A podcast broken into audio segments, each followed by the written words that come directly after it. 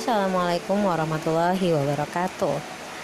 Hai, ini adalah kali pertama kita bertemu bersama Tim Scores. Kali ini kita akan bahas tentang gimana sih mendidik anak berdasarkan sifat dasar manusia. Oke langsung aja. Seperti halnya orang dewasa Anak-anak memiliki kepribadian yang menjadi dasar dari pembentukan karakter seseorang. Setiap anak Bahkan jika mereka anak kembar sekalipun Mempunyai karakter yang unik dan berbeda sehingga kita tidak dapat memberikan perlakuan yang sama pada setiap anak. Tentu, jika sudah memahami karakter dasar anak, akan memudahkan kita mendidik dan membentuk karakternya. Nah, sebelum membahas lebih jauh, mari kita samakan dahulu definisi dari karakter. Karakter adalah diri kita apa adanya, dasar dari kepribadian dan sifat seseorang. Hal ini mempengaruhi bagaimana seseorang memandang dunia, apa yang ia percayai dan yakini, serta bagaimana ia merasa, berpikir, dan bertindak. Karakter ini sifatnya uh, inborn, didapat dari lahir, dan dapat terlihat sejak kecil walaupun setelah dewasa mungkin saja ada pergeseran perilaku berdasarkan proses pembelajaran. Misalnya si A terlihat pendiam karena ia adalah anak yang introvert dan kurang berminat e, menjalin hubungan sosial dengan orang lain. Sementara si B terlihat sangat ramah dan periang karena ia adalah seorang ekstrovert yang terbuka dan memiliki minat sosial tinggi. Lalu, apa sih gunanya mengetahui karakter anak? Jawaban sederhananya adalah agar kita tidak memaksakan diri untuk membentuk karakter anak seperti yang kita pikirkan atau kita inginkan. Coba perhatikan kalimat yang keluar dari seorang ibu terhadap anak perempuannya berikut ini. Kenapa sih kamu gak mau main di luar? Lihat matahari, bersinar cerah dan teman-temanmu sedang bermain sepeda di luar. Padahal gadis kecilnya adalah seorang anak yang pemalu dan merasa lebih nyaman bermain sendiri di dalam rumahnya karena dia adalah anak yang introvert. Namun, orang tua yang ekstrovert kesulitan memahami mengapa di hari yang cerah anaknya lebih memilih untuk bermain di rumah. Nah, untuk itu kita akan bahas tentang anak introvert versus anak ekstrovert. Ikuti terus podcast Dream Scores. Oke. Okay?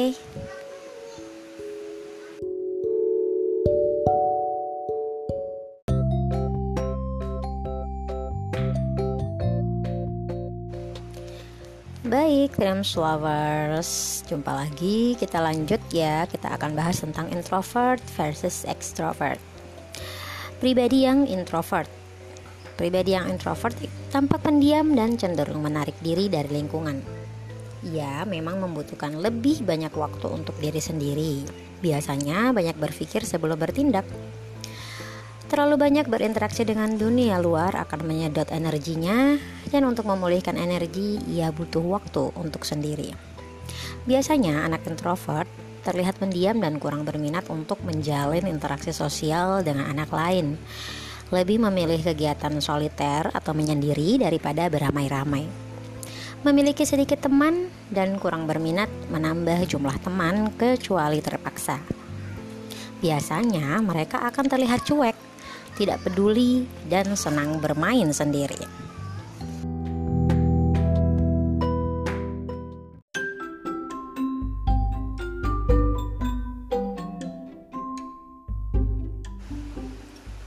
Lain introvert, lain juga pribadi yang ekstrovert. Pribadi yang ekstrovert terlihat terbuka, antusias, dan bersemangat dalam menghadapi hampir setiap hal dan sangat menikmati interaksi dengan orang lain. Dia biasanya verbally active atau pandai bicara, mudah memulai pembicaraan dengan orang lain. Energinya akan habis bila terlalu lama sendirian dan untuk memulihkannya, dia perlu berinteraksi dan melakukan kegiatan dengan orang banyak. Anak yang ekstrovert akan terlihat bersemangat, selalu ceria dan banyak bercerita mengenai kegiatannya. Kadang secara mendetail. Dia selalu ingin keluar rumah untuk bermain bersama teman-temannya dan terlihat kebingungan bila terlalu lama berdiam diri di rumah. Teman-temannya banyak dan terus bertambah setiap harinya.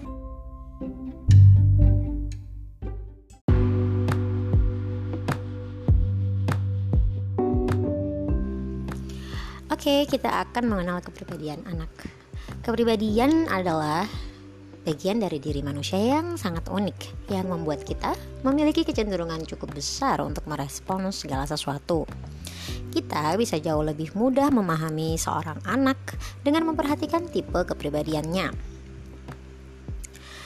E, pengenalan tipe kepribadian akan membuat orang lebih mudah berinteraksi dengan orang lain sekaligus bisa lebih memahami dirinya sendiri.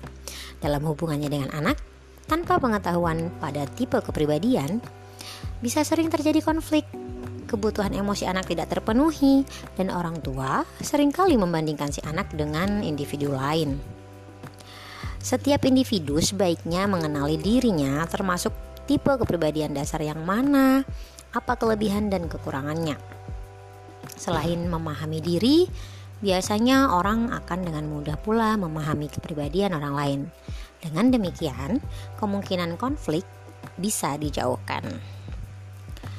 Selain kepribadian, perilaku seseorang juga dipengaruhi oleh fungsi yang beragam dan lingkungan yang juga berbeda-beda. Uh,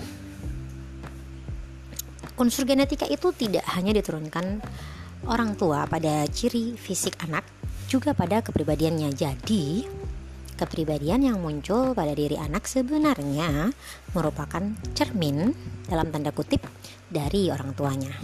Nah, selain kedua karakter yang sudah kita bahas sebelumnya yaitu kepribadian introvert dan extrovert, ada pula empat tipe kepribadian yang sudah cukup dikenal uh, yaitu yang dibagi oleh Claudius Galen Claudius Galen ini membagi empat tipe kepribadian dasar manusia yang kemudian dipopulerkan oleh uh, Florence Littauer dalam bukunya Personality Plus.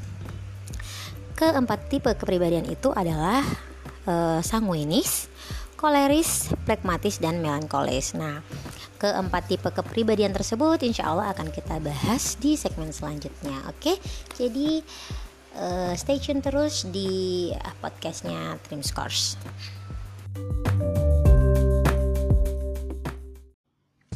Oke, cukup sekian Dreams Lovers.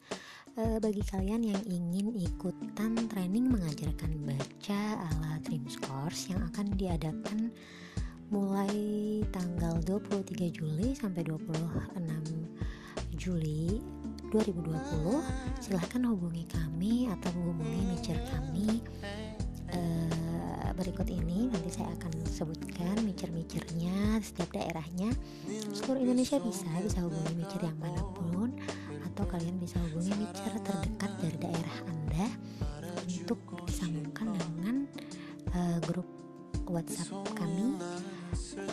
pelatihan mengajarkan baca tulis dengan asyik ala Course.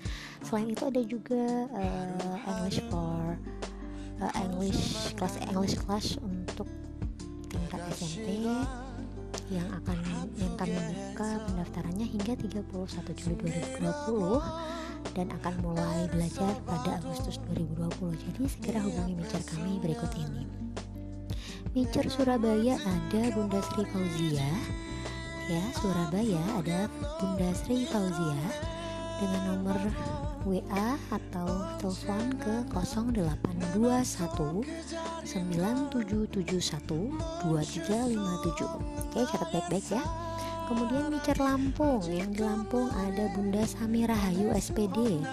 Silahkan hubungi beliau di 085 228 867 893. Lalu da daerah Bintaro, Tangerang Selatan bisa hubungi micer kami Bunda Vita Hakiki SPD di nomor 0896 189936119.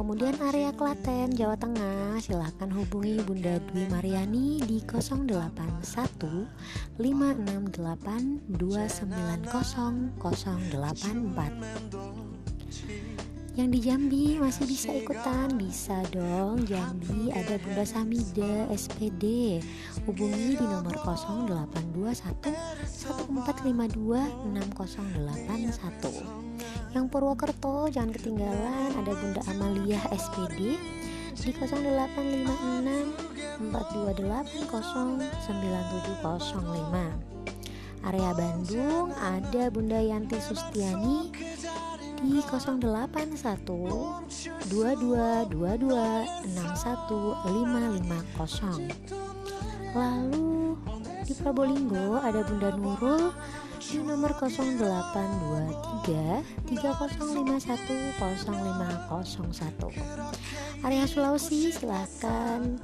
hubungi Neng Sahiyah di 0823 400 2012 area lain area Papua, Kalimantan bisa juga silahkan hubungi salah satu manajer kami atau bisa langsung hubungi uh, founder uh, owner Dream Scores di 0812 triple 887889 Oke, sampai jumpa minggu depan dengan materi dan bahasan yang menarik.